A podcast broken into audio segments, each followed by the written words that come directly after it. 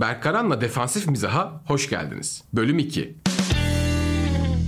Podcast yazıp seslendirmek hoşuma gitti. Genelde ilk dinleyenlerde bu nedir oğlum kafayı mı yedin gibi tepkiler alsam da TikTok'tan kaçan, telefonun her tuş kilidini açtığında elinin Instagram'a gittiğinin farkına varıp bundan rahatsız olan, Twitter'da iç karartıcı bir habere videoya denk gelip bok vardı girdik tadımız kaçtı diyen insanları belki podcast'te kendime denk getiririm düşüncesi benim için oldukça motive edici.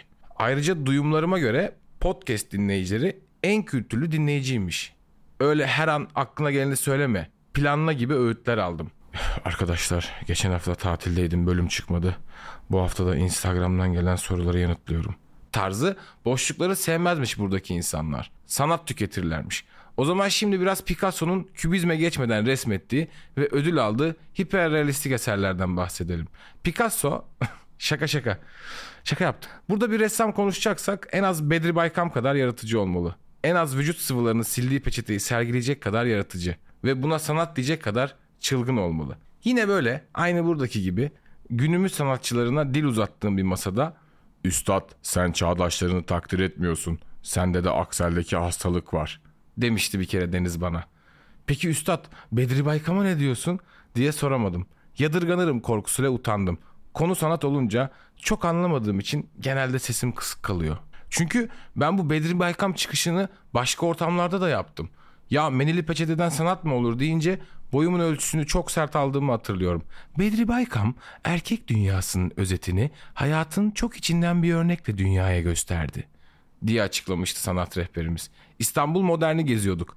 Sanattan anladığını düşünen, en azından anlamak isteyen bir kalabalıklaydık. Biz de sanattan anlayabiliriz oğlum. Zeynep Kamil'de doğduk ama yüzümüzü batıya dönelim demişti abim. Oxford vardı da biz mi okumadık kardeşim diye klişe bir espriyle taçlandırdı. Biletleri alıyorum. Su koy vermek yok. Sanatla yoğrulma vakti. Siko siko reklamlar.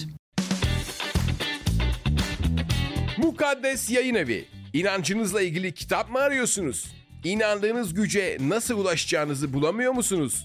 Çözüm bizde. www.mukaddesyayınevi.com Musevilik, Müslümanlık, Hristiyanlık, Budizm ve daha bir sürü inanış. Zeus'tan Thor'a, Ra'dan Buda'ya, A'dan Z'ye bütün yaratıcıların yolladığı tüm emirler. Üstelik bir kitap alana ikinci kitap %50 indirimli. Mukaddes Yayın Evi. Siz yeter ki inanın. Siko siko reklamlar bitti. Kadıköy'den bedava tekne servisi varmış. Haliç'in senelerdir temizlendi mi, temizlenmedi mi anlaşılmayan sularından sanat eserlerinin sergilendiği fuara ulaşacağız. Böyle bir dönemde böyle bir etkinliğe şehir içinden bedava tekne ulaşımı tabii ki Ekrem İmamoğlu imzası taşıyor. Karadenizimizin aydın çocuğu böyle fırsatları kaçırmaz. Yol boyunca herkesten övgü aldı. Yaşamıyla, ailesiyle, çocuklarıyla Türkiye'mizin yüzü olmalı dendi. Teknede bile takdir topladı. Hiçbir fırsatı kaçırmıyor. Sanat galerisine vardık. Tekneden karaya atlarken her orta gelirlinin yaşadığı korkuları yaşadım. Ulan bu suya düşersem kolera olurum, telefonum kayıp gidiverir aman dikkat edeyim endişesi bütün orta gelirde vardır. Ama karaya adımımı atar atmaz endişelerim uçup gitti. Doğuştan zenginler adeta düz bir yolla yürücesine tekneden karaya atlarlar. Dikkat edin görürsünüz. Karaya atlama sırası abimde. Ulan İmamoğlu nasıl çakal? Hem sponsorluğu çakmış hem de bizi buraya getirdi bedavadan. Deli gibi prim yaptı. Ama helal olsun yapsın. Diyerek tekneden sanat galerisinin girişindeki minik limana atladı. Abim için siyasi bir atlayış. Satın aldığımız sanat turunun başlamasına çok az kalmıştı. Ama önce galerinin bahçesinde sadece o gün için kurulan kokteyl barda birer içki içmemiz gerekiyormuş. Gerçek sanatseverlik bunu gerektirirmiş. Mirgün Cabas, Yekta Kopan gibi ünlü isimler de kokteyllerini yudumluyordu. Bu manzara sanat turundan önce hafif kafaların kırılması gerektiği hususunda beni oldukça ikna etti. Siko siko reklamlar. Müjde, müjde, müjde. Türkiye'nin en büyük ihtiyacı dertlere derman olacak telefon hattımız açıldı. Alo 815 siyasi moral depolama hattı. Arayın, ideolojinize göre moral depolayın. Arayın, nabzınıza göre şerbet verelim. Muhalif misiniz? AK Parti bir daha hayatta kazanamaz. İktidarı mı destekliyorsunuz? Korkmayın. Solculardan bir cacık olmaz. Apolitik misiniz? Bize ne abi? Biz dalgamıza bakalım. Para nerede biz orada. Alo 815 siyasi moral depolama hattı. Arayın, rahatlayın. İnsanları darlamayın. Sikko Siko reklamlar bitti. Abimle bir çadırın içine yerleştirilmiş seyyar bir barın önündeyiz.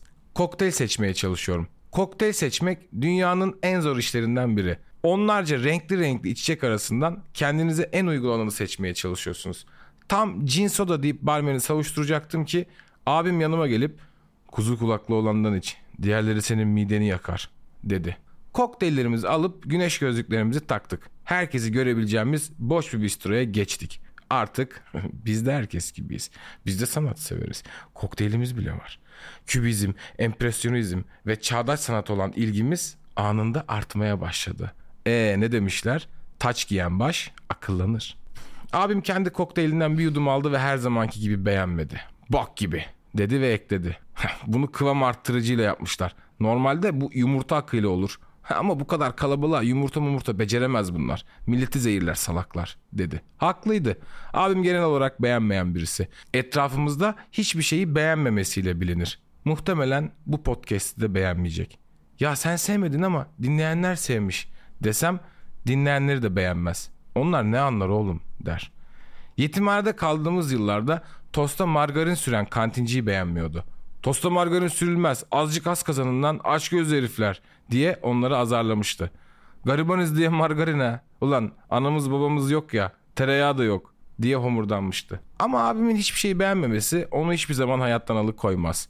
Berk dedi Duman konserine gideceğiz gelsenize. Nasıl olur abi dedim sence eğlenir miyiz? Kesin bok gibi olacak dedi. Yüz yıldır aynı şarkılar. Ayrıca alkol bile yok. Çay içip köprü altı diye bağıracağız işte.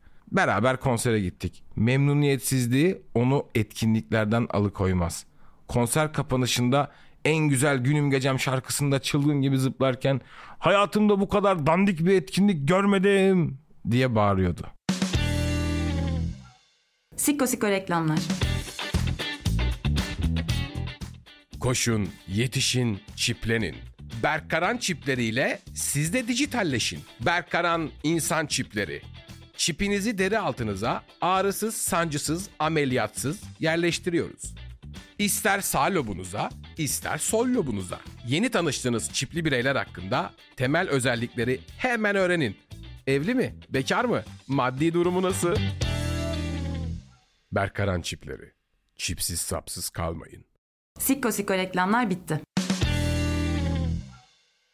İşte bu abimle çağdaş sanatçıların eserlerini sergilediği galerideyiz. İçkilerimizi içtik, kafalar çakır, sanat turumuz başladı.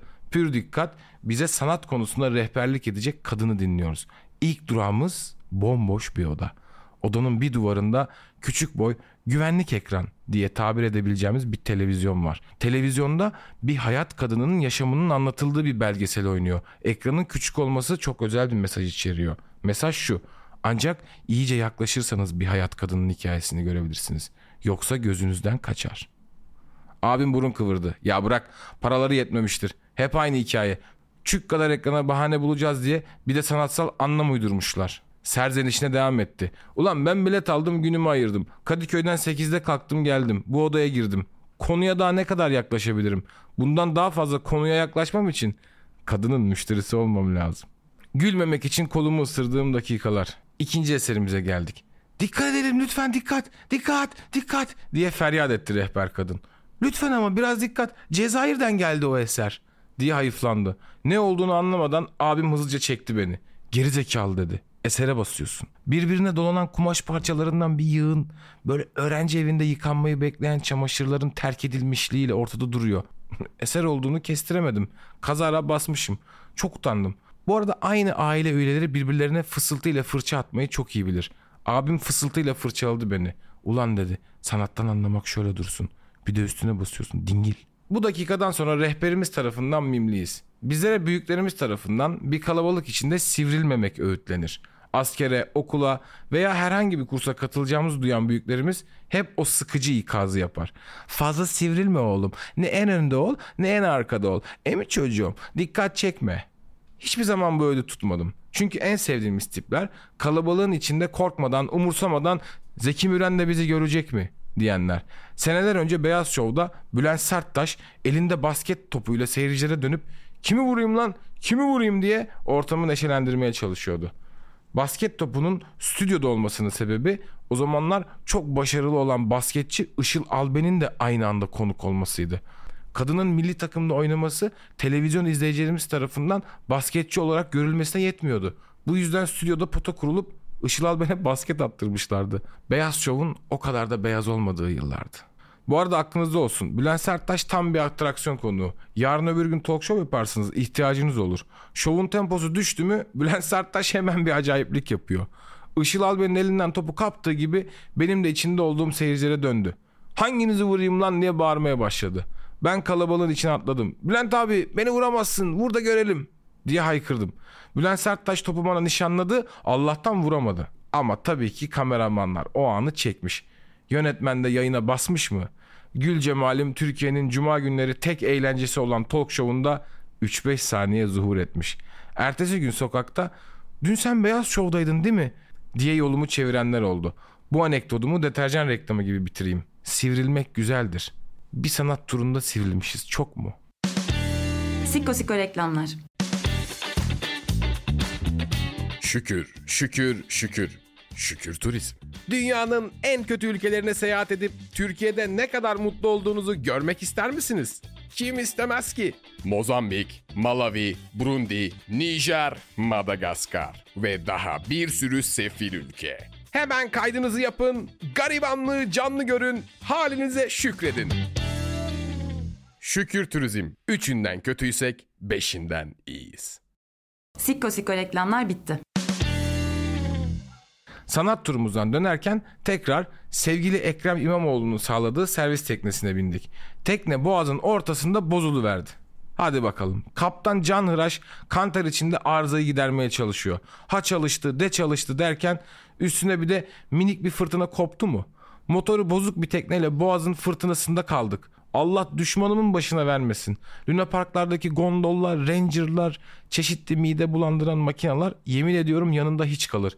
Bir buçuk saat hiç birbirini tanımayan insanlar 5 metrekare bir kutuda çalkalandık. İki kişi baygınlık geçirdi. Kusanlar, ağlayanlar. Yemin ediyorum bir ara atlayıp Dolmabahçe'ye yüzmeyi düşündüm.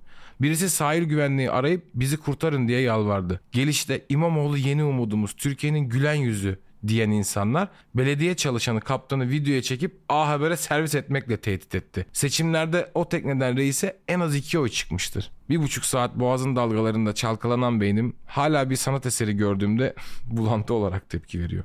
Bu bölümün de sonuna geldik. Diğer bölümde Esenyurt tekel baskınında ben olsaydım neler yapardım neler diyen beyaz yakalı arkadaşlarımdan bahsedeceğim. Çok da önemli konular değil aslında ama dinlemek isterseniz beklerim. Unutmayın Berk Karan sizleri seviyor ve saygıyla selamlıyor.